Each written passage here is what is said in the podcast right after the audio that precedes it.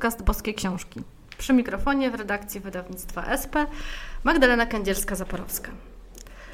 Tworząc nasz podcast, chcemy uchylić drzwi naszej redakcji i zaprosić do redakcyjnej kuchni czytelniczki i czytelników. Chcemy dać Wam wszystkim okazję do posłuchania naszych rozmów o tym, co nas fascynuje i inspiruje w książkach, które dla Was przygotowujemy. Rozmawiamy z autorami i ekspertami, żeby lepiej zrozumieć ich przekaz i zawarte w nich myśli. Dziś w roli autorki Lucyna Mirzyńska, znana, ceniona i kochana przez pacjentki krakowska położna rodzinna, która od ponad 30 wziąć na świat nowonarodzone dziecko. Towarzyszy im w tym najpiękniejszym, choć jednocześnie najtrudniejszym momencie w życiu. Swoją wiedzę, doświadczenie zawarła na stronach książki Pierwsza pomoc w nauce macierzyństwa, której już drugie, uaktualnione wydanie okazało się niedawno w naszym wydawnictwie. W roli eksperta dzisiaj Paulina Mazur, która zawodowo zajmuje się popularyzowaniem innowacji przemysłowych w krakowskim parku technologicznym, a prywatnie jest mamą czwórki dzieci i myślę, że z tej roli, mm, z tej racji jest u nas dzisiaj ekspertem. Kiedyś przeczytałam, że jesteś specjalistką od przemysłu 4.0 i poproszę Cię zaraz o wyjaśnienie, bo skojarzyło mi się, że ten przemysł 4.0 to przemysł czwórka dzieci w domu. Jak to ogarnąć? E, dzień dobry. Tak, dziękuję bardzo za zaproszenie e, do tej rozmowy. E, myślę, że mm, nie ma sensu opowiadać, czym przemysł 4.0 naprawdę jest w tym kontekście, ale to wyjaśnienie, które podałaś jest bardzo fajne dla mam. Cieszę się bardzo. Witam serdecznie również Lucynę. Podcast rządzi się swoimi prawami, jest niejako poza czasem, e, ale trudno będzie nam ukryć pewnie to, że spotykamy się w okresie e, okołoświątecznym. E, wykorzystajmy więc tę inspirację do rozpoczęcia naszej rozmowy. Spójrzmy na obraz, który w najbliższych dniach oglądać będziemy często, a więc na betlejemską szopkę. W niej jest Maryja, a więc położnica, która dopiero co urodziła dziecko, a wokół, no właśnie, sami mężczyźni. Pismo Święte nie wspomina o żadnej kobiecie, która wspierała Maryję w porodzie, a to przecież mało prawdopodobne. Prawda, Lucyna? Wręcz niemożliwe. Uważam, że musiała tam być kobieta, że sytuacja związana z taką, e, z taką sprawą, jak pierwszy raz rodzi kobieta, nawet e, taka kobieta jaka Maryja, jaką była Maryja, szczególnie wybrana, szczególnie błogosławiona, szczególnie powołana do tej roli, e, miała wsparcie ze strony kobiety. Wydaje mi się, że Biblia tutaj e, pomija tą sprawę trochę dla nas krzywdząco, dla położnych, ale i też dla innych kobiet. Wsparcie kobiety mm, w, całej, w całym tym cudzie e, i cudzie boskiego przejścia Boga w człowieka e, według mnie musiało być. To ja zapytam, y, tak może zaczepnie Paulinę, y, a czy gdybyś sobie wyobraziła, co by się stało, gdyby ta kobieta w Piśmie Świętym się pojawiła, jako ktoś, kto przyjmuje Boga na świat? Jak myślisz, zmieniłoby to trochę y, postrzeganie kobiet w Kościele? Czy zmieniłoby trochę naszą rolę? Ja na to trochę patrzę inaczej chyba, e, bo wydaje mi się, że to, co nam e, ewangeliści dwaj zafundowali w tych opisach narodzenia, to paradoksalnie jest wielkie dowartościowanie kobiety, tylko my po prostu jakoś przestaliśmy zwracać na to uwagę, bo się przyzwyczailiśmy chyba za bardzo do tych opisów. E, I wydaje mi się, że e, wszyscy, mm, którzy oczekiwali narodzin Mesjasza, sobie wyobrażali, że on przyjdzie w jakiś bardzo spektakularny sposób, tak? że on przyjdzie w jakichś naprawdę cudownych okolicznościach przyrody albo jakichś, nie wiem, walecznych scen, no nie wiem, powstających, walących się świątyń, naprawdę jakiegoś wielkiego poruszenia społecznego. E, I fakt, że Bóg wybiera e, kobietę, żeby urodziła e, Jezusa, jest czymś po prostu dla mnie bardzo wzruszającym. Ja ilekroć o tym myślę, to, to mam takie poczucie, że to jest no, jakby coś niezwykłego, tak? Coś w takim świecie, ale tak jak wspomniałaś, bardzo męskim, tak? Te wszystkie postacie, które się pojawiają w tych opisach ewangelicznych, one są jakoś towarzyszące. To są, no nie ma, nie ma co, e, co ukrywać, że to są tacy aktorzy drugiego planu, tak? A w centrum tego wszystkiego jest ta e, kobieta właśnie, tak? I w tym sensie ja nie mam takiej wielkiej potrzeby, żeby jakaś inna kobieta się pojawiła jako ta, która przyjmuje ten poród, bo tak naprawdę Maryja, mm, przez to jeszcze ta postać jeszcze bardziej wybrzmiewa, tak, że ona jest taka samotna w tym męskim otoczeniu. E, jak, jak to jest piękne, że jakby Bóg e, dzieli się z nami swoim synem właśnie przez wydarzenie porodu, tak. W ten sposób Jezus przychodzi na świat. Ja uważam, że to jest no, wspaniałe.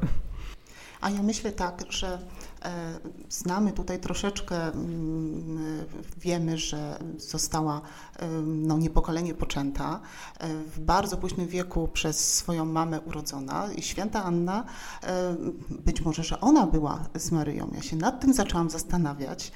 Tutaj wprowadzam oczywiście jakieś elementy, których nie mamy w oficjalnej Ewangelii, to się zgadza, ale jednak chciałabym wierzyć, że kobieta była, że niekoniecznie to musiała być e, profesjonalna położna, mimo że w tamtym czasie, w tamtych czasach już były, e, ale może to był ktoś e, bardzo bliski. Jeżeli tak było, no to jednak ten element kobiecy gdzieś tam będzie. Jeżeli wprowadzimy jakiś element tej niesamowitości i wiemy, że tam byli aniołowie, to czy aniołowie to byli zawsze mężczyźni? Może w ten sposób, jeżeli, jeżeli chcemy wprowadzić do tej szopki kobiety, to może któryś z aniołów to była ta cudowna kobieta położna, która pomogła Maryi. To idźmy dalej, skoro Lucyna doświadczenie i podpowiada, że obiecność kobiet jest tak bardzo ważna, e, to ja zapytam, co się stało ostatnio, że e, ten kobiecy krąg, który zawsze towarzyszył kobiecie przy, przy porodzie, przy połogu, w przygotowaniach do, do porodu, E, tak się zawęził, że w tej chwili rzeczywiście można powiedzieć, że kobiety są same. Wyjeżdżają ze swoich małych społeczności do dużego miasta i mm, towarzyszy im rzeczywiście tylko ich mąż, ich partner i trochę to myślę, że powtarza tę sytuację, że daleko od domu rodzą swoje pierwsze dziecko. E, czy zatem dzisiaj też możemy powiedzieć, że kobiety mm, są takimi cichymi bohaterkami, czy jednak powinniśmy im zapewnić jakieś wsparcie? Czy jakby co, ty mm, chciałabyś takie wsparcie kobietom okazywać? E, no więc no, to wsparcie jest i, i, kobiety szukają wsparcia. No, przede wszystkim właśnie dlatego, e, że są poza kręgiem domowym, że nie mają mamy, siostry, e, że przyjaciółki to są z reguły kobiety, które pracują, zostają w pracy, to są znajome, które były zupełnie w innym ich czasie potrzebne sobie niekoniecznie w czasie, w czasie porodu. E, I tą funkcję gdzieś tutaj zaczyna spełniać położna rodzinna. Myślę, że coraz więcej kobiet ma tą świadomość edukacji przedporodowej, spotkań, e, wtedy też i w gronie innych kobiet, w gronie tym samym tematycznym, który daje, daje tą możliwość wsparcia, a położna rodzinna zaczyna powoli, e, wchodząc w ten etap e, kobiety, spełniać też i funkcję mm, lekko przewodnika w tym macierzyństwie, lekko wsparcia takiego może i matczynego, z profesjonalnym oczywiście zapleczem. E, I myślę, że tego szukają kobiety i wiedzą o tym, że coś takiego jest. Pierwsza pomoc w nauce macierzyństwa, ta książka, to tak naprawdę e, to wsparcie zawarte, na, zawarte w słowach pisanych, ale e, najlepszym kontaktem będzie jednak kontakt bezpośredni, kobieta z kobietą, e, kobieta w kręgu innych kobiet. Mm, I do tego zachęcam panie w ciąży, żeby szukały w podobnym sobie stanie innych kobiet. Ja bym jeszcze do tego dodała mm, coś, o, o, czym myślałam ostatnio dużo, ponieważ ja mam e, takie szczęście, że mam taką e, grupę e, kobiet wokół siebie, z którymi się spotykamy cyklicznie. Wprawdzie dopiero powołałyśmy ją do życia jako mm, dorosłe kobiety mm, zupełnie niedawno. I rozmawiałyśmy niedawno o tym, że jak to jest z tym towarzyszeniem i z e, towarzyszeniem innych kobiet w tych e, przygotowaniu się do macierzyństwa, zwłaszcza w kontekście pokolenia naszych mam. E, I tak sobie uświadomiłam, że my wiele razy mówimy o tym, że się wyprowadziłyśmy z tych miejscowości różnych, że przeniosłyśmy się daleko od swoich mam, od swoich babci, od swoich sióstr i od innych kobiet, które w sposób naturalny mogłyby nas wspierać. I że to jakby spowodowało, że musimy trochę szukać tych obcych kobiet, które potem stają nam się bliskie w tej macierzyńskiej drodze, ale smutna rzecz, którą sobie uświadomiliśmy wtedy, była taka, że nasze mamy niespecjalnie zdały jakoś egzamin z przygotowania nas do macierzyństwa. E, że pokolenie naszych rodziców niestety jakby miało inne priorytety. To był naprawdę szalony czas. Tak? Oni walczyli o to, żebyśmy mogli zdobyć wykształcenie, żeby wiązać koniec z końcem, żeby wybudować domy lub, e, lub zarobić na pierwsze mieszkania czy pralki. I efekt był taki, że jak siedziałyśmy w takim kilkunastoosobowym gronie i rozmawiałyśmy o tym, o naszych pierwszych takich doświadczeniach z kobiecością, czyli jakichś takich nastoletnich historiach, to e, tylko jedna z nas powiedziała, że jej mama mm, e, była dla niej takim realnym wsparciem i że świetny był ten moment, na przykład, kiedy ona e, po raz pierwszy dowiedziała się, czym jest miesiączka i mama ją e, świetnie jakoś w tym poprowadziła. Zaczęły to celebrować jako coś takiego, co jest jakimś takim momentem wejścia w, w kobiecość takim no, dosłownym bardzo. Natomiast wszystkie inne dziewczyny miały takie doświadczenia, że mm, jakby mamy w tym nie towarzyszyły, tak? Że te wszystkie informacje, które e, kobieta musi trochę posiąść na temat własnej e, mm, fizyczności, fizjologii, a potem relacji z mężczyznami, że one trochę zdobywały w innych miejscach.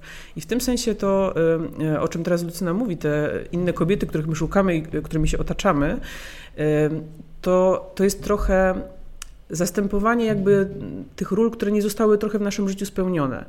I wydaje mi się, że to trochę jest taka mm, e, specyfika akurat tych pokoleń, z tylko tych dwóch pokoleń, które naprawdę miały takie losy dość e, trudne, tak? Jednak my jesteśmy w dużo bardziej komfortowej sytuacji dzisiaj niż były nasze mamy. E, ale myślę, że poprzednie pokolenia, co pokazuje jakby cała instytucja kobiet, które się zbierały w momencie porodu, miały doświadczenia zupełnie inne, tak? Jakby te kobiety wtedy były razem, natomiast zatomizowaliśmy się jakieś pokolenie temu tak naprawdę, więc wydaje mi się, że e, nie, nie do końca chodzi o to, że wyjechałyśmy z tych miejscowości, tylko że po prostu my tam mentalnie się nie zakorzeniłyśmy jako kobiety, tak? I w związku z tym szukamy teraz trochę towarzystwa od nowa, towarzystwa w cudzysłowie, tak? Po prostu bliskich nam kobiet. E, zgadzam się z, e, z Pauliną, oczywiście, że tak. Aczkolwiek podam teraz przykład. Mam pacjentkę, która po dwóch tygodniach, mm, w drugim tygodniu połogu, spakowała się i kazała się wywieźć do swojej mamy, gdzieś tam ponad 200 kilometrów dlatego że nie dawała rady sobie tutaj z emocjami, typowo z emocjami. A ona mówi, że tak, ma dobre wsparcie ze strony męża, tutaj logistyczne, zakupy, gotował, sprzątał, przewijał dziecko, że dziękuję za moje wsparcie i moje przygotowanie.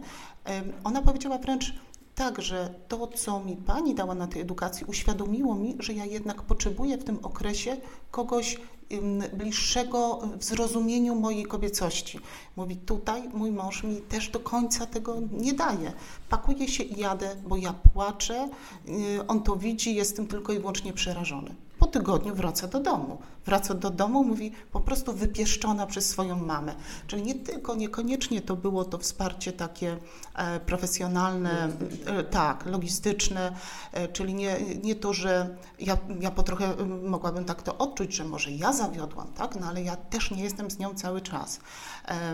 Być może, że mąż gdzieś tam się czuł po trochę zdradzony, ale myślę, że nie, bo to mądry mężczyzna. Ona potrzebowała tego faktycznie przytulenia się do swojej mamy. I to otrzymała, wróciła wzmocniona.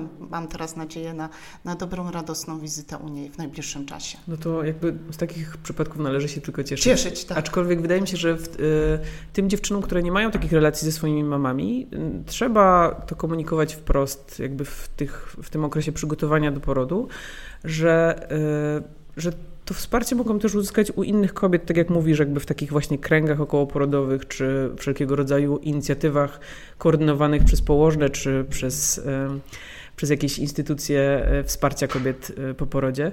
I że ja się z tym zgadzam, że jakby mąż pełni swoją rolę i często pełni ją na bardzo wysokim poziomie, natomiast jest potrzebna inna kobieta właśnie do tego wypłakania się, czy do porozmawiania o różnych sprawach, z którymi, o których z mężem się po prostu słabo rozmawia, tak? Tylko z tego powodu, że z mężczyzną, nie z żadnego innego podstawowa sprawa, zresztą od tego zaczęłyśmy przed, y, przed nagraniem rozmowę, że panowie nie odczuwają tego nie odczują, nie są w stanie nawet sobie tego wyobrazić, chociażby tego bólu porodowego, ale też i tych emocji naszych po porodzie związanych y, z tą zmieniającą się rolą naszą. I to nie jest w żaden sposób zarzut w ich stronę.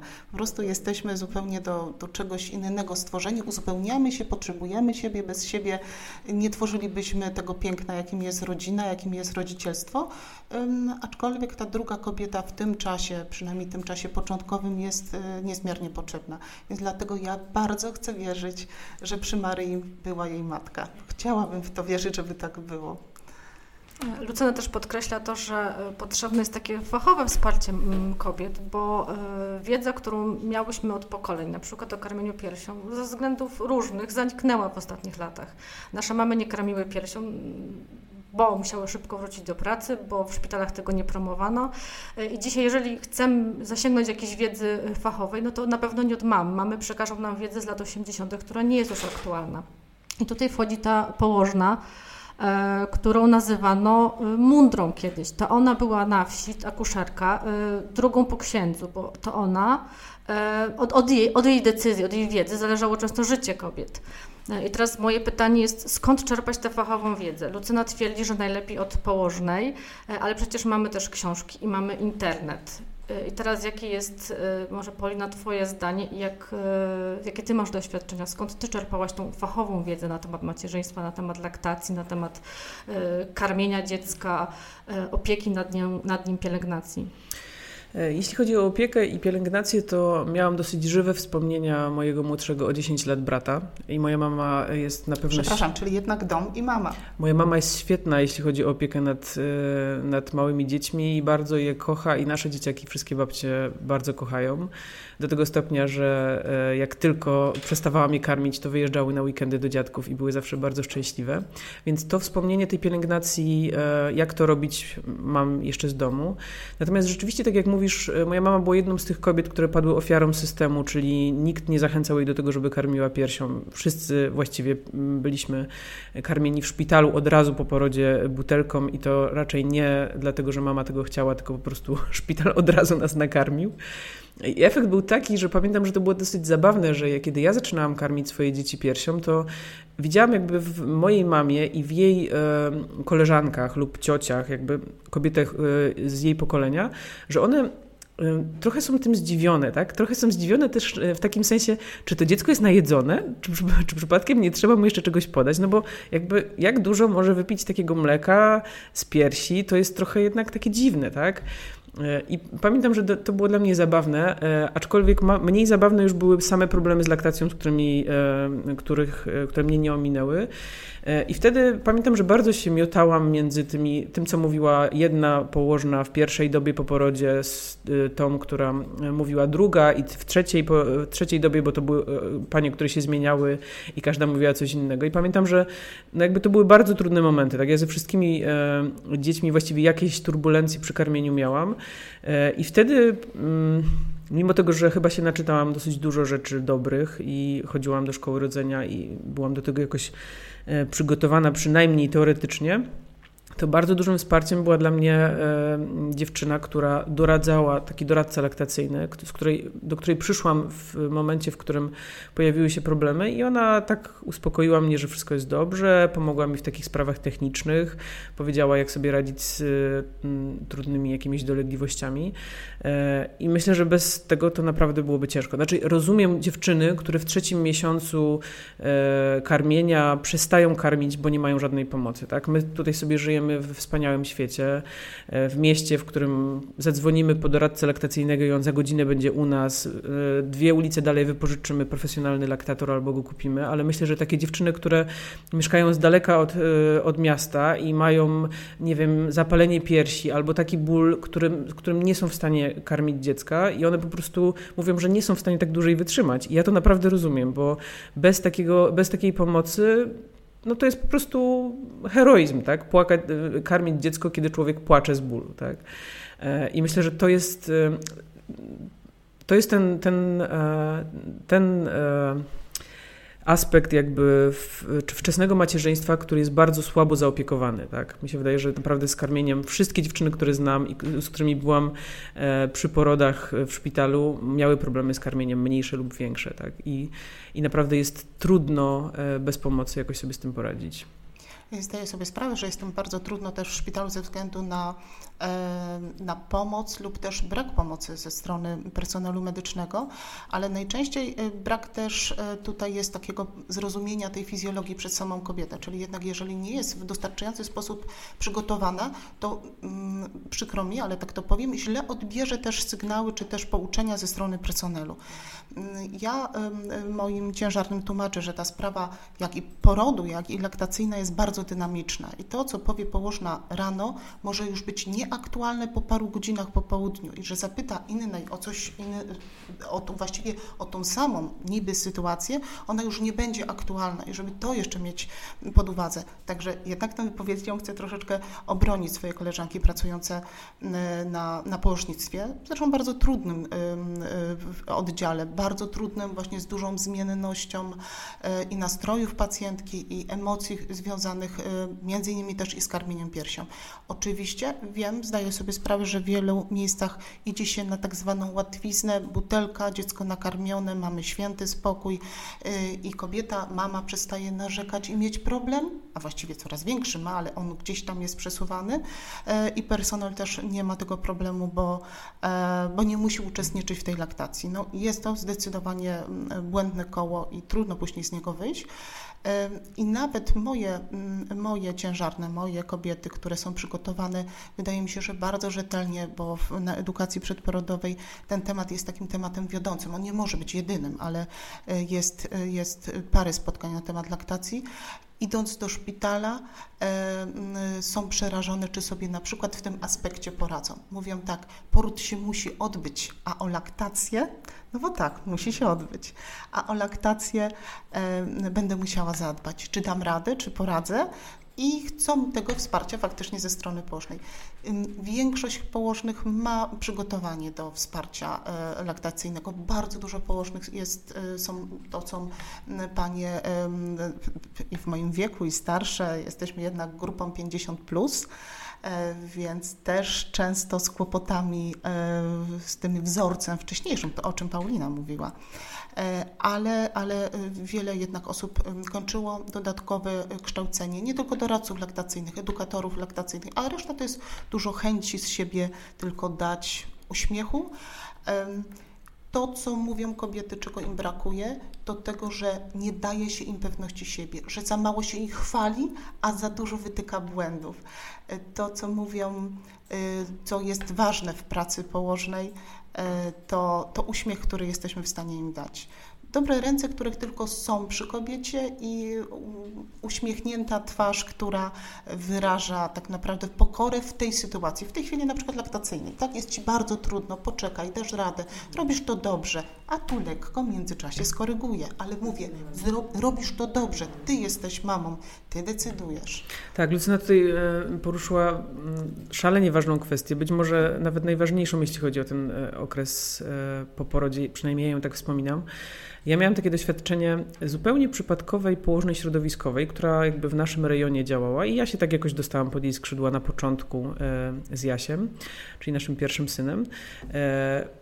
I wydaje mi się, że ja sobie ze wszystkim dosyć dobrze radziłam, ale to była taka pani, która e, ja naprawdę do dziś bardzo ją ciepło wspominam, bo ona za każdym razem, kiedy przychodziła do nas na wizytę, mówiła mniej więcej to, co ty teraz mówisz, ale w taki sposób bardzo egzaltowany, w takim, takim sensie, że ona naprawdę to przeżywała i ona ciągle mi mówiła, jak wspaniale to robisz, ale świetnie, ale zobacz na to dziecko, jakie ono jest zadowolone, nakarmione, przewinięte, czyste. I ona przez całą wizytę mówiła w taki sposób, jak ja teraz, tak, to nie było w żaden sposób teatralne, to było po prostu wypływające z niej. Ona była zachwycona i myślę, że e, to dawało mi takie poczucie mm, tego, że wszystko jest dobrze, że jak ona wychodziła po 20 minutach czy po pół godzinie, ja miałam takie poczucie, okej, okay, cokolwiek się działo, ilekolwiek razy dziś nie płakałam, ile razy wydarzyło się coś, co myślałam, że coś jest nie tak z dzieckiem, to jakby to wszystko jakby znikało w tym momencie, tak? Tej, tego wsparcia pozytywnego. I to jest tak samo jak z nauczycielami, prawda? Że możesz kogoś karcić tysiąc razy i być może wtedy on doskonale pozna momenty, w których robi błąd, ale kiedy go pochwalisz trzy razy, to, to zadziała zupełnie inaczej e, na tą jego wysiłek, tak? Który będzie chciał jeszcze bardziej w to włożyć. Więc myślę, że to jest absolutnie kluczowa rola położnych. E, w moim e, ostatnim porodzie też domowym. E, po, po tym, jak się Tomek urodził, moja położna mnie ucałowała. I to był taki moment, który nawet nie wiem, czy nie on bardziej mnie wzruszył niż same narodziny, bo miałam takie poczucie, że ona się tak ucieszyła, że nam się udało i że wszystko było dobrze, że ten, ten pocałunek był taki, wiecie, no taki właśnie jak mama całuje swoją córkę, której się udało właśnie urodzić, urodzić dziecko. Dokładnie to było, tak, pięknie to było wspaniałe, naprawdę. Mhm. Trafiłaś też na cudowną położną, ale Dokładnie. to była już świadomie wybrana położna. Tak, tak. Ten pierwszy raz powiedziałaś sama, inny, że zrobiłaś tak. to nieświadomie. udało się, była to ciepła, dobra kobieta. E, ja nawet nie wiem, kto to był, nie pytam.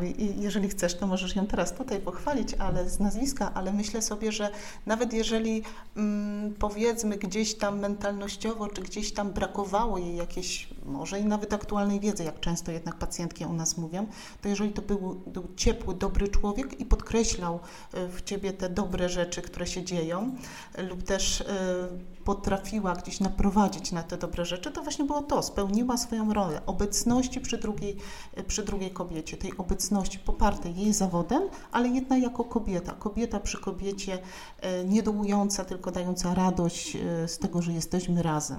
I tę radość podkreśliłaś tym, przy tym czwartym razie, prawda? Ta radość był ten pocałunek, to już była taka bliskość największa, jaka może być wspólna wasza radość, nie? Ja dopytam, skoro już pojawił się temat y, porodu domowego. Y, trójkę dzieci, rozumiem, urodziłaś w szpitalu. No to, nie wiem, odważę się zadać to pytanie, dlaczego? Dlaczego zdecydowałaś się na no, coś, co jest, myślę, dla wielu kobiet wciąż y, niepojęte w Polsce. Wiem, że pewnie miałeś do tego odpowiednie warunki, bo to też Kraków mamy takie możliwości, ale mogłabyś się tym podzielić? Dlaczego akurat tak? Ja się chyba nie nastawiałam na poród domowy, e, dlatego że w poprzednich ciążach on jakoś był wykluczony z powodów medycznych, dlatego że są bardzo duże obostrzenia, e, kiedy poród może się odbyć w domu, więc tak już się przyzwyczaiłam, że raczej żadne z naszych dzieci się nie urodzi w domu. E, I Tomek się trochę urodził w domu przez przypadek. Znaczy, chcieliśmy, żeby się urodził w domu, ale mieliśmy małe nadzieje na to, że to się uda, zwłaszcza, że na drugi dzień byliśmy już umówieni w szpitalu, bo byliśmy po terminie ale położna, z którą miałam rodzić, przyjmowała porody domowe i ja jej sygnalizowałam, że jeśli się uda, to byłoby super. E, ale też Tomek, e, e, czyli nasz ostatni syn, postanowił trochę zawalczyć o ten poród domowy, ponieważ akcja potoczyła się tak błyskawicznie, że kiedy zadzwoniłam do swojej położnej i ona powiedziała, no to zbierajmy się do szpitala, to ja jej powiedziałam, że nie sądzę, żebym dojechała. I ona wtedy ubrała się i jechała do nas, ale ponieważ to też była pewna odległość, więc tak naprawdę prawie cały poród spędziliśmy e, z mężem sami. I kiedy, mm, kiedy położna przyjechała, to właściwie umyła ręce i Tomek się urodził. E, I to zdecydowanie mm, trochę przypadkowa sytuacja e, ona dała mi takie doświadczenie, którego nie miałam nigdy wcześniej w tych wcześniejszych porodach szpitalnych. Dlatego, że ja jestem taką, takim typem y, kobiety dobrej uczennicy, która chce, żeby wszyscy byli zadowoleni. I efekt jest taki, że chcę, żeby pan doktor był zadowolony, że ładnie rodzę, pani położna, że nie ma ze mną zbyt dużo problemu. I wiecie, jakby szpital stwarza pewne okoliczności, które e, takim dobrym uczennicom utrudniają poród, tak? bo one wtedy nie mogą się czuć swobodnie, ponieważ zbyt wiele jest osób, które chcą zadowolić. E, I to doświadczenie e, porodu w domu e, uświadomiło mi, że kiedy kobiecie się stwarza warunki, które są dla niej naturalne, to ten poród odbywa się zupełnie inaczej. I rzeczywiście poród Tomka był nie tylko najpiękniejszym doświadczeniem i najlepszym z takiego punktu widzenia spokoju, e, e, mojego samopoczucia w nim, mojej, mojego poczucia podmiotowości i tak dalej, ale też medycznie najbardziej udanym. Tomek był bardzo dużym dzieckiem i e, szpital, w którym miałam go rodzić, chciał od razu kwalifikować go do cięcia. Natomiast ta położna, która jest bardzo doświadczoną osobą, powiedziała mi, że bez problemu go urodzimy na spokojnie i rzeczywiście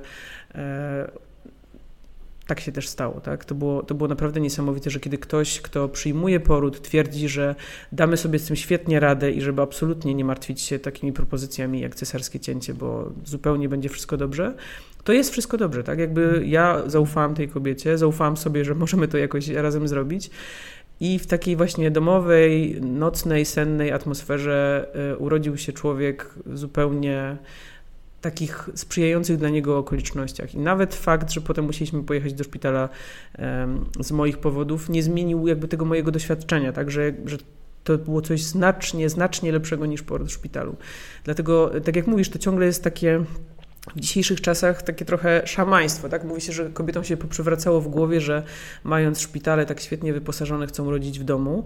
E, ale myślę, że kiedy nie zdecydowałabym się chyba w pierwszym porodzie, bo rzeczywiście człowiek jest przestraszony, tak? Ta, ta rzeczywistość jest zupełnie nowa i na pewno bez takiej pewności, e, że się da radę, to jest to jest bardzo trudne podjąć taką decyzję, że będzie się rodziło w domu.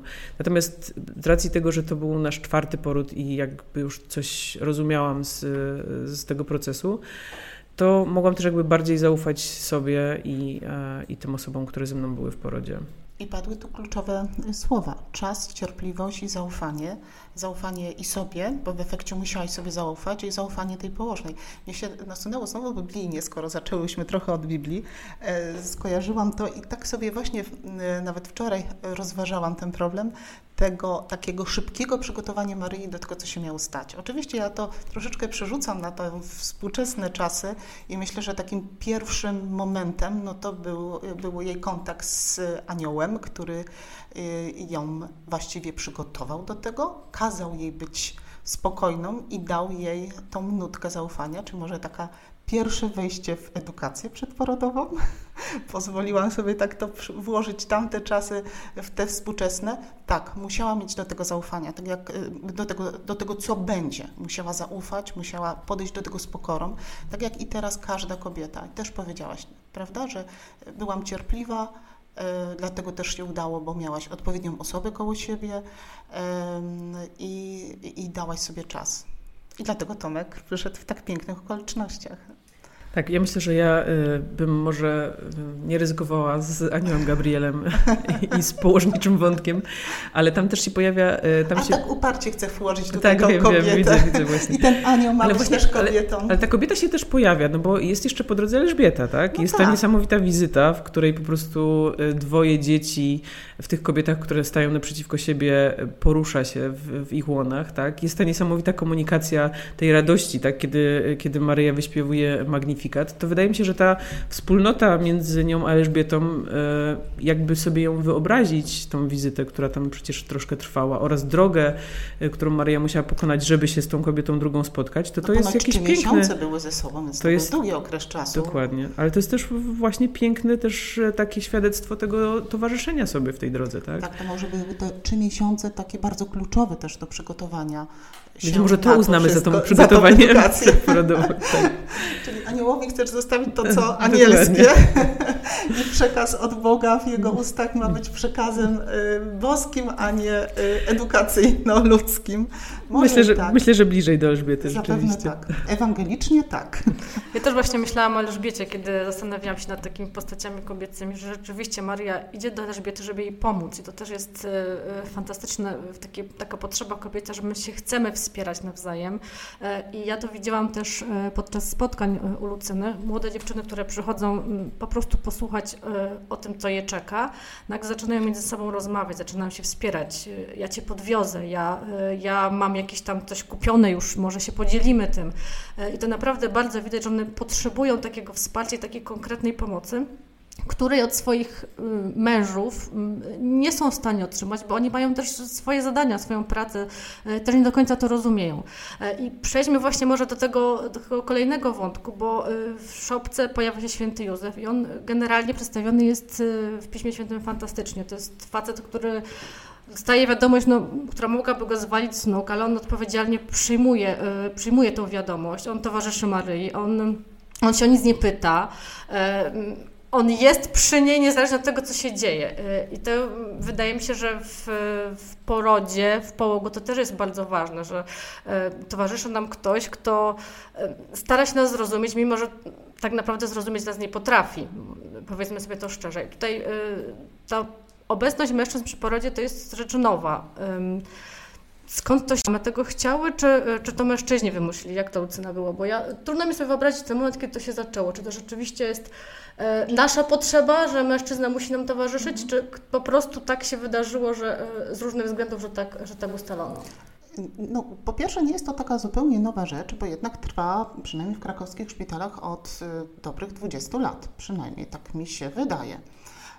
Ale tak, ale w szerszym kontekście tak, oczywiście, że, że nie aż tak było wtedy popularne, teraz o wiele bardziej popularne ale też y, coraz częściej dochodzi do wyborów takich, że jednak nie chcemy rodzić razem, że potrzebuję y, innej kobiety. Też z takimi zdaniami się spotykam.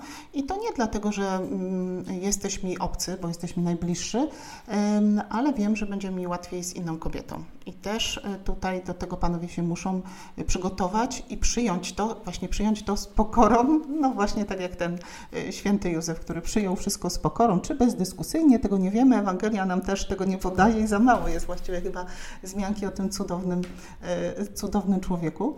E, na pewno panowie mają, mają duże, dużą rolę do spełnienia też i w trakcie i porodu, i samego przygotowania. Chcą to zrobić i przygotowują się coraz to lepiej. O, zarzucano, że tytuł tej, tej książki nie jest adekwatny do treści związanej, że to nie jest przygotowanie tylko do macierzyństwa, że powinno to być przygotowanie pierwsza pomoc w nauce rodzicielstwa. Ale taki był pomysł. Gdzieś tam po drodze stwierdziliśmy, że rodzicielstwo to takie słowo, które źle brzmi w ogóle i nie zmieści się na okładce, więc... I jest to macierzyństwo, a panowie, panowie albo też i rodziny, które, y, które, którymi się spotykam później z tą e, z tą książką gdzieś tam e, z boku w łóżku, w łóżku nawet u nich podczas wizyty, mówię, ale ja też czytałem, czyli też się bardzo, bardzo się chwalą tym, że, że są przygotowani, no chociażby na podstawie tej książki.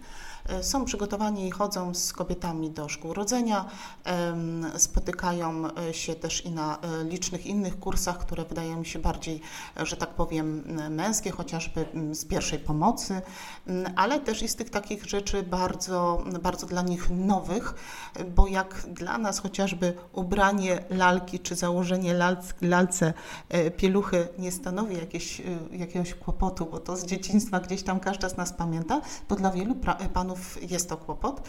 Dlatego ja też tutaj akurat w takiej swojej części komercyjnej, w swojej szkole rodzenia zaproponowałam temat, który okazał się szczałem no, w dziesiątkę.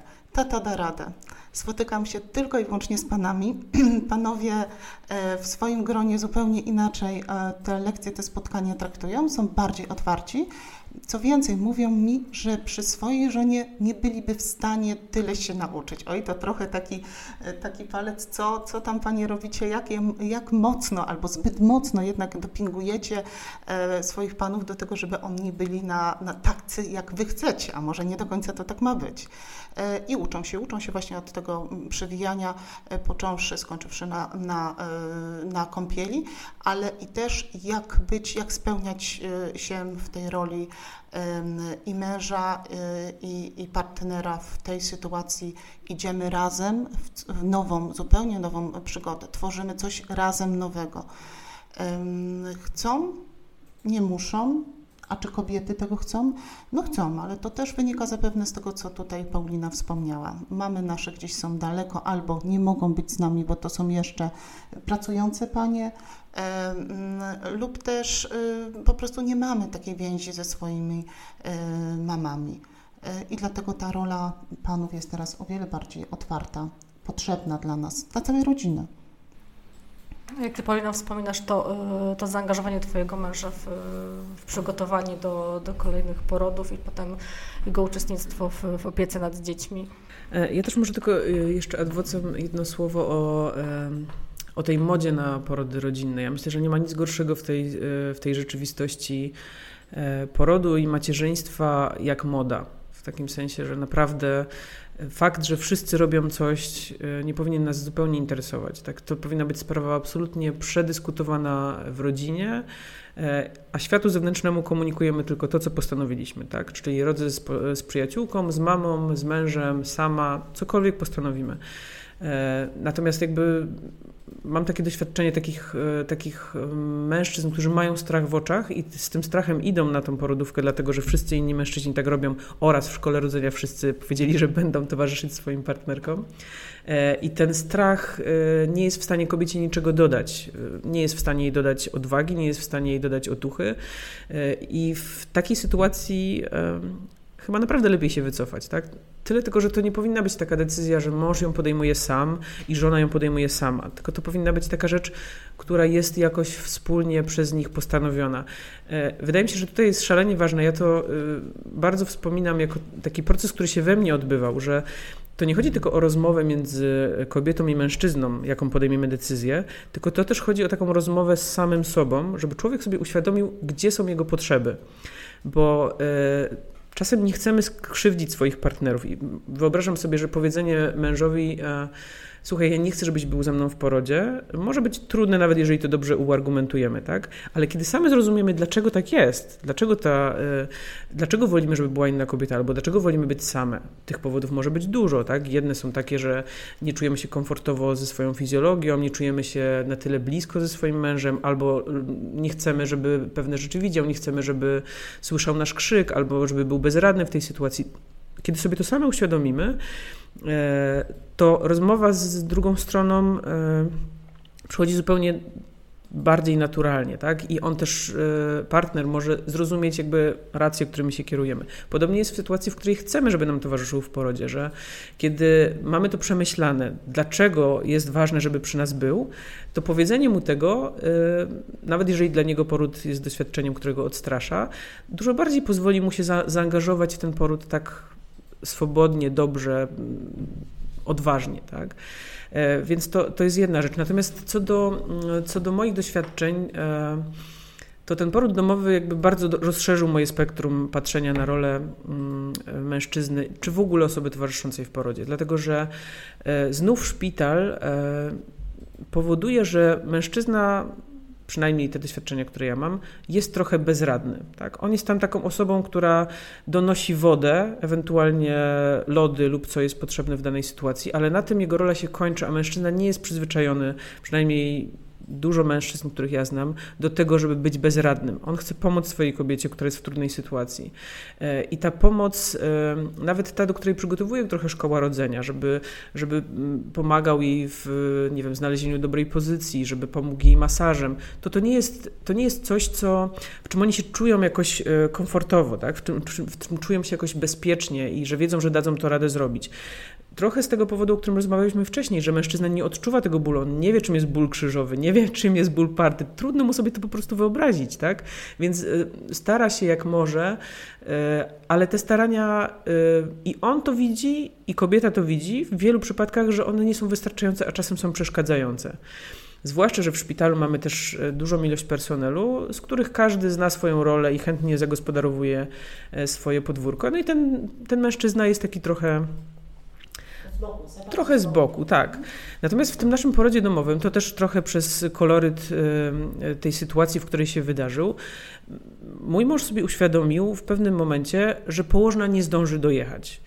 E, ja też byłam naprawdę już w bardzo zaawansowanym e, porodzie i on po prostu mówi, tak to, e, tak to wspomina, że w pewnym momencie doszło to do niego, że już nikt nam nie pomoże i jesteśmy tylko we dwójkę. Dzieci na szczęście były już u dziadków.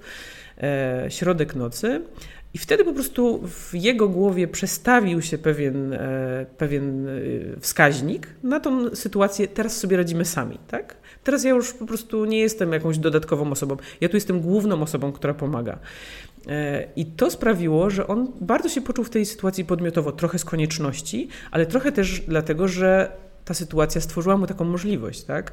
I wszystko, każda pomoc której ja nie byłam sobie już w stanie udzielić, e, należało już do niego, tak? I on stał się w pełni e, podmiotowym uczestnikiem tego porodu. Też wspomina go, podobnie jak ja, jako najlepszy, mimo to, że można by pomyśleć, no, mężczyzna zostawiony w takiej sytuacji, no umówmy się, nie jest na swoim miejscu, tak? Jakby jest cała, cała ta część taka tego, że mężczyźni się wielu rzeczy boją, na przykład krwi, tak? Boją się tego cierpienia tej e, najbliższej sobie osoby, a jednak jakby z, kiedy zostawiliśmy, e, czy rzeczywistość zostawiła e, mojemu mężowi taką przestrzeń, to on doskonale ją wypełnił, tak? I, i świetnie się w tej sytuacji odnalazł. Co oczywiście nie znaczy, że wszyscy chcąc mieć realny udział partnera musimy rodzić w domu, tak? Ale trzeba sobie to uświadomić, że szpital ma po prostu swoje ograniczenia i mężczyzna nie jest tam, nie jest tam podmiotowy po prostu. Ale też są takie, przepraszam, e, badania, które mówią, że e, kobiety w kobiecym kręgu rodzą szybciej, e, że jednak obecność mężczyzny może paraliżować, może powodować dodatkowy stres. I myślę, że właśnie to, że coraz więcej dziewczyn mówi, dobrze, ta moda była fajna, ona, ona rzeczywiście bardzo mocno wpłynęła na myślenie dziewczyn, no, no bo było w szkołach rodzenia mówione, musisz przyjść z partnerem, musisz rodzić z mężem, Coraz więcej dziewczyn odważa się na taki krok, że ja będę jednak rodziła, czy to z koleżanką, czy z mamą, czy z kimś, kogo poproszę o pomoc, czy z dodatkową położną, czy właśnie, czy chociażby z durą, o której kiedyś też rozmawiałyśmy. Natomiast ciągle mówimy o tym, że to jednak nie jest sytuacja dla mężczyzny dobra. To nie jest to, to, to, czym on się dobrze czuje, chociaż być może rzeczywiście powie, że to jest e, najszczęśliwszy moment jego życia. Lucyna podczas e, zajęć e, opieki tej edukacji przedporodowej powiedziała, że nie rozumie, dlaczego ten moment przecięcia pępowiny jest taki ważny, że przecież w porodzie jest tak wiele innych wspaniałych momentów i wiem, że potem mi mówiłeś, że koleżanki położne z innych części kraju przecięcia pępowiny ma znaczenie dla mężczyzny. Tak, określono to, że mm, nadaje e, początek odpowiedzialności e, za, e, jego, za swoje ojcostwo, prawda? Że jeżeli zrobi to mężczyzna, to on bierze E, tą jest to taki symboliczny moment. Taki symboliczny tak? moment. No, dla mnie on nie jest aż taki istotny. Ja go, ja go gdzieś tam może troszeczkę spłaszczam czy pomijam. Widzę tą rolę o wiele głębiej, o wiele szerzej. Tutaj bardzo mechanicznie po prostu do tego odcięcia, przecięcia pępowinu podchodzę i być może, że dlatego właśnie tutaj tego symbolu nie, nie tyle, że nie widzę, ale nie widzę potrzeby, żeby w nim akurat uczestniczył, czy musiał uczestniczyć. Może nie tyle uczestniczył, musiał uczestniczyć mężczyzna mężczyzna.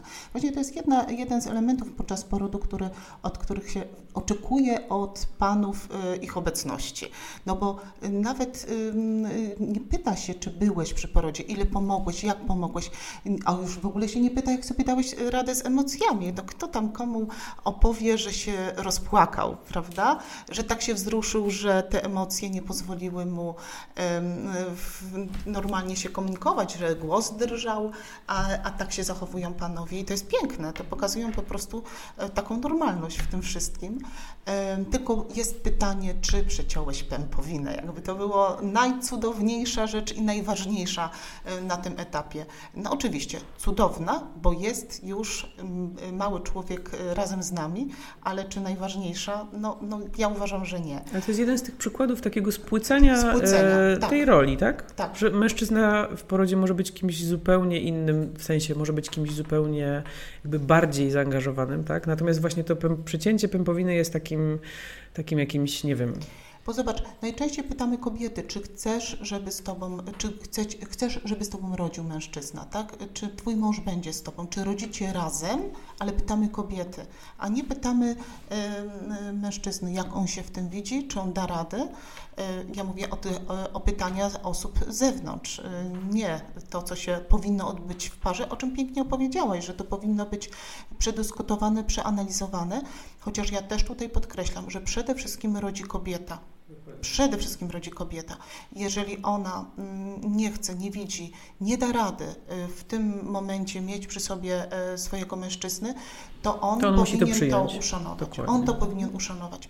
Przede wszystkim rodzi też kobieta, tu też jest głos do personelu medycznego. Przede wszystkim rodzi kobieta y, i ta medykalizacja, która wchodzi w ten poród, powinna być jak najdalej, jak najpóźniej włączona, czy też odsunięta od od tego właśnie porodu.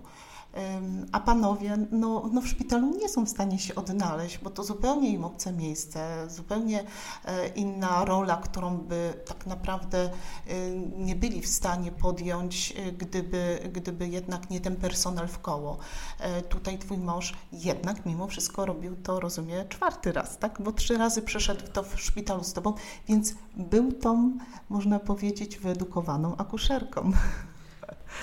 Natomiast to, o czym ty Magda mówisz, e, że kobiety teraz się czasami decydują już, że jednak nie z mężem, to ja uważam, że to jest wspaniały e, przejaw tej samoświadomości. Tak? To, to znaczy, że ktoś zagląda do swojego serca i pyta się, czego ja naprawdę chcę i czego ja naprawdę potrzebuję. I uważam, że powinniśmy się z tego tylko cieszyć. I myślę, że absolutnie nie świadczy to o braku bliskości w parze.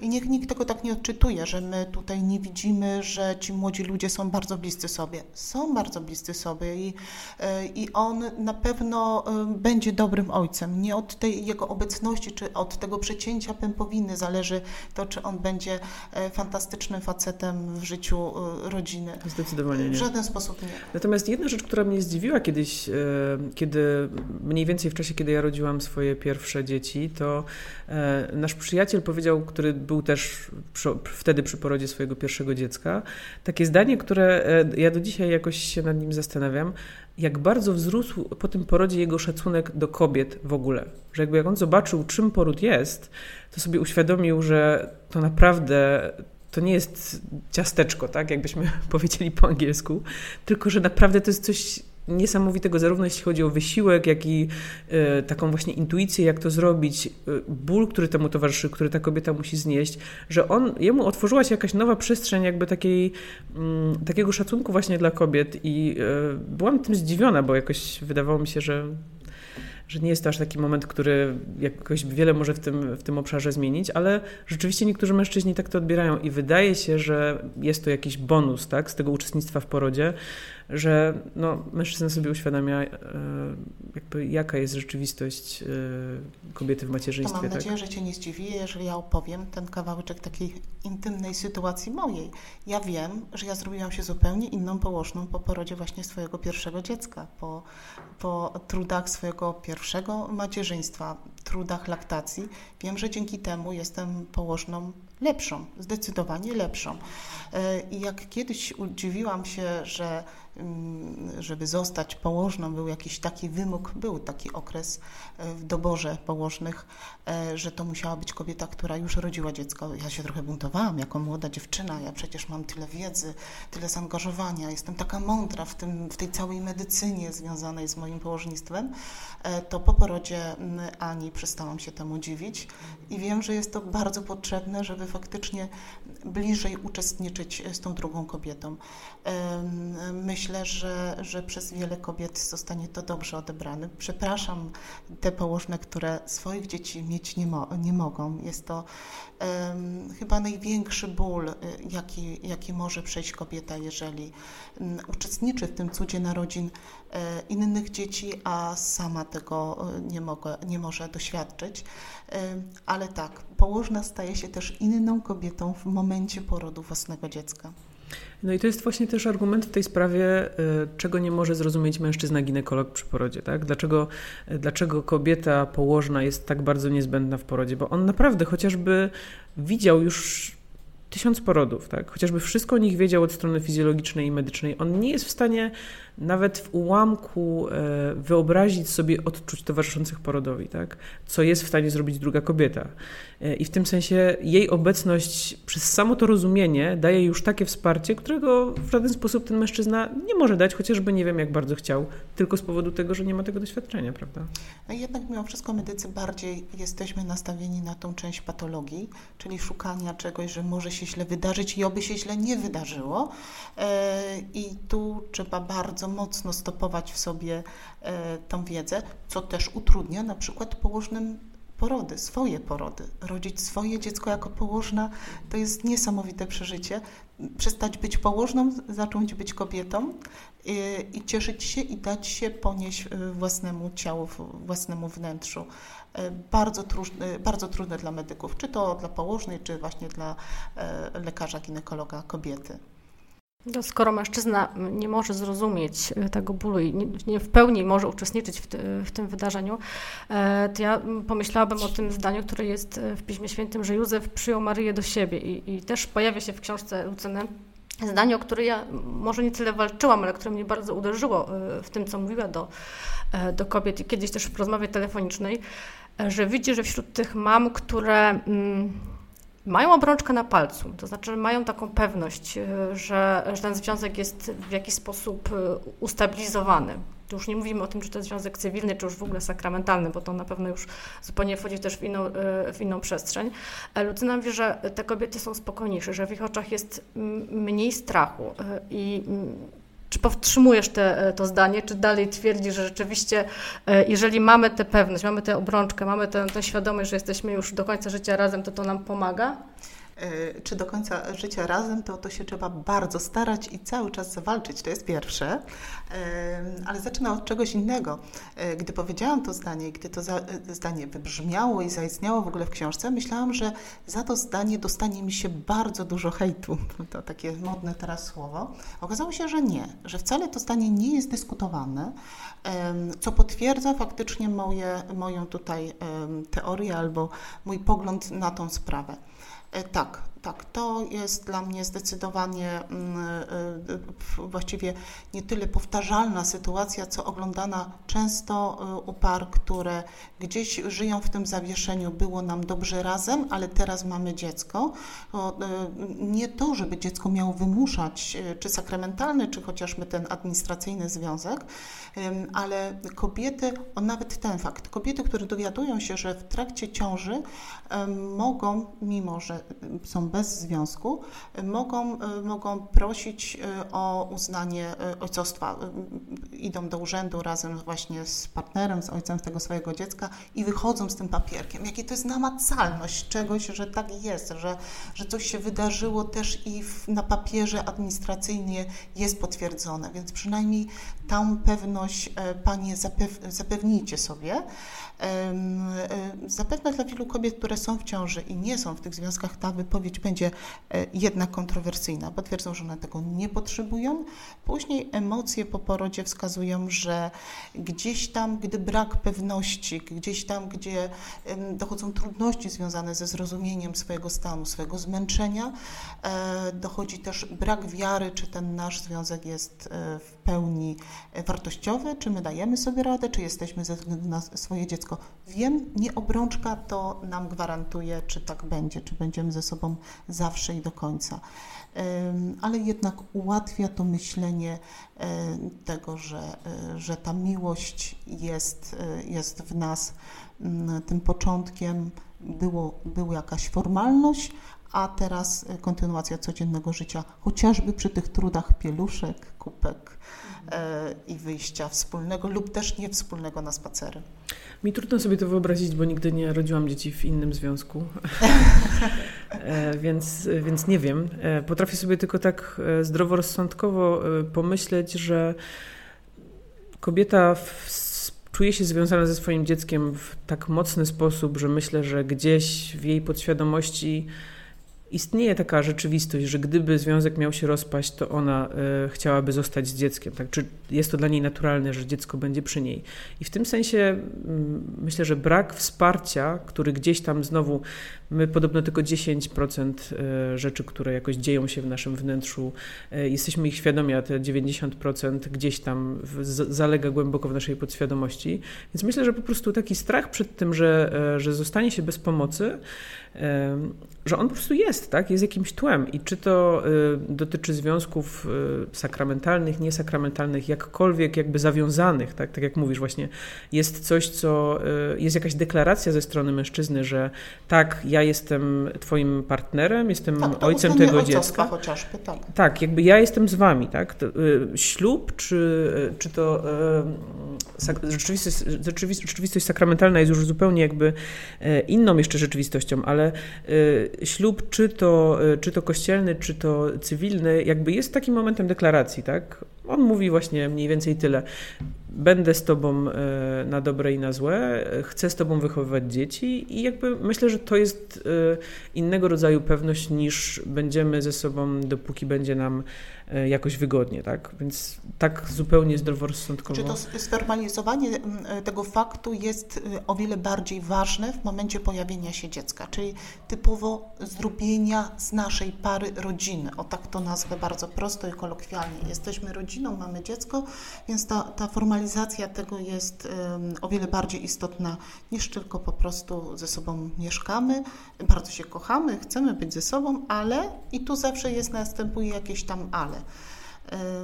I to danie sobie tego chociażby papierkowego tak daje możliwość e, tej wiary, że to przetrwa dłużej. Może bardzo naiwnie mówię, ale tak widzę u wielu pań, że on jest bardzo potrzebny. Chociażby właśnie mówię tą ulgę, ojeju, to ja już to mogę zrobić w ciąży, ale to nie będzie ślub? No nie, ale będzie potwierdzenie ojcostwa, jeżeli obydwoje tego chcecie, no bo tutaj jest znowu deklaracja i z jednej i z drugiej strony. To ona mówi, że on jest e, ojc, ojcem e, tego dziecka, które jest jeszcze płodem e, i on też do tego się przyznaje. Więc już jakaś taka oficjalna przed całym społeczeństwem, no bo jest to w urzędzie, deklaracja tej i podjęcie tej odpowiedzialności. U podstaw tego znowu jest to, o czym rozmawialiśmy wcześniej, czyli taka y, samoświadomość kobiety, tak? jakie są jej prawdziwe potrzeby. No bo tak jak mówisz, y, Lucyna, że można deklarować, że nie jest nam to potrzebne, cokolwiek to jest, czy uznanie ojcostwa, czy, czy sakrament, czy tylko ślub cywilny. I, I być może po prostu w wielu przypadkach tak rzeczywiście jest, ale kluczowe jest chyba rzeczywiście to, żeby kobieta się zapytała siebie, E, i stanęła jakoś w prawdzie przed sobą, jaka jest jej głęboka potrzeba. Tak? Bo czasami one są ukryte z powodu tego, że mężczyzna się do tej e, relacji poważniejszej zbytnio nie garnie. Tak? I wtedy kobiety też e, jakoś próbują przyjąć jakby tą rzeczywistość i mówiąc, że właściwie no, właściwie no nie jest nam to potrzebne. Tak? Natomiast rzeczywiście jest coś takiego, że kiedy zaczynamy ze sobą rozmawiać, w sensie mówię kobieta sama ze sobą, zaczyna zadawać sobie pytania, co jest dla niej ważne, to myślę, że takie rzeczy po prostu jakoś są w stanie szybko wyjść, tak? Czy, czy ten papier, w cudzysłowie, jest mi jakoś potrzebny do mojego poczucia bezpieczeństwa, czy nie jest? Jeśli nie jest, jakby każdy jest kowalem własnego losu, tak? Ale jeśli jest, to wtedy trzeba z tym partnerem, mężczyzną o tym rozmawiać, no bo jakby poczucie bezpieczeństwa w porodzie to jest jedno, tak? Ale poczucie bezpieczeństwa w, w macierzyństwie to jest coś naprawdę szalenie ważnego, tak? I wychowywaniu dzieci. Dokładnie. I wychowywaniu dzieci, tworzeniu rodziny, tworzeniu tego nowego, y, nowego człowieka. On musi się czuć bezpieczny w tym wszystkim, co się dzieje wokół niego. Bez tego faktycznie nie wyrośnie na, na dobrego człowieka. Ale mu będzie bardzo trudno. Tak, ja bym tylko dodała jeszcze, że o ile, o ile nie jest mi znany ten stan właśnie rodzenia dzieci w innym związku niż, y, niż mój obecny, y, to mm, i daj Boże jedyny, tak, to pamiętam, że rozmawialiśmy kiedyś z moim mężem i też jakoś tam śledziliśmy e, wśród naszych znajomych, jak, jak czuje się kobieta, w sytuacji, w której jej mąż mówi, że chce lub nie chce mieć więcej dzieci. Tak? Jakby jak wygląda ich życie, tak, e, taka bliskość też e, seksualna w sytuacji, w której e, mężczyzna na przykład mówi, że absolutnie on już nie chce mieć więcej dzieci. Bo znamy takie pary, które mają jedno dziecko i on powiedział, że drugi raz tego nie przeżyje, albo ona tak powiedziała, no jakby cokolwiek się tam, jakiekolwiek są powody. I to jest właśnie wtedy życie w takim lęku, matko, jeżeli znów będę w ciąży, to jakby to spowoduje jakieś trzęsienie ziemi w naszym domu, tak? w naszej relacji, w naszej rodzinie, a najbardziej w moim życiu, tak? bo ja będę musiała nie dość, że jakby unieść ciężar e, e, nowego macierzyństwa i jeszcze unieść ciężar tego, że mój mąż jest z tego, czy partner z tego bardzo niezadowolony. Tak? I wiele razy rozmawialiśmy o tym, jak cudowne to jest uczucie dla kobiety, kiedy ona wie, że jej, że jej mąż czy partner ucieszy się z kolejnego dziecka, tak? I że to jest absolutnie coś, e, coś takiego, co daje taki luz też w, w tej relacji, że e, jakby ja nie muszę się niczego bać, tak? Bo to jest człowiek, który jest w tym samym miejscu, w którym ja. Cieszy się z dzieci, które przychodzą, tak? Czy to jest pierwsze, czy to jest drugie, czy to jest trzecie, czy jakiekolwiek inne.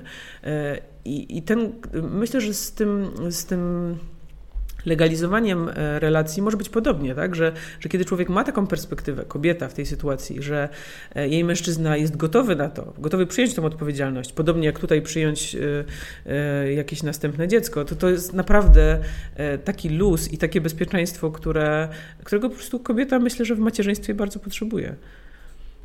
Ja myślę, że to jest bardzo piękne podsumowanie naszej rozmowy, e, bo mówiliśmy o kobiecie, o mężczyźnie, o Maryi Józefie i zapomnieliśmy o tym, że w tej stajence e, jest przede wszystkim Pan Jezus. E, myślę, że fajnie by było, gdybyśmy wszyscy y, powiedzieli tak jak ty, Paulina, tak, przyjmiemy y, Pana Jezusa jako co roku kolejne dziecko. Ja nie powiedziałam co roku kolejne dziecko, żeby było znaczy, jasne. Co roku Pan Jezus przychodzi na Boże Narodzenie. E, nie mówię, że przyjmiemy kolejne, ale kolejny raz przyjmiemy e, w sposób taki otwarty, serdeczny i życzliwie zawsze będziemy przyjmować. E, I tego Wam też życzę przed świętami. Wszystkiego dobrego i właśnie takiego otwarcia nie tylko na kolejne dzieci, ale też właśnie na to, że Pan Jezus przychodzi przychodzi co roku e, i zawsze w tej stajence tam czeka.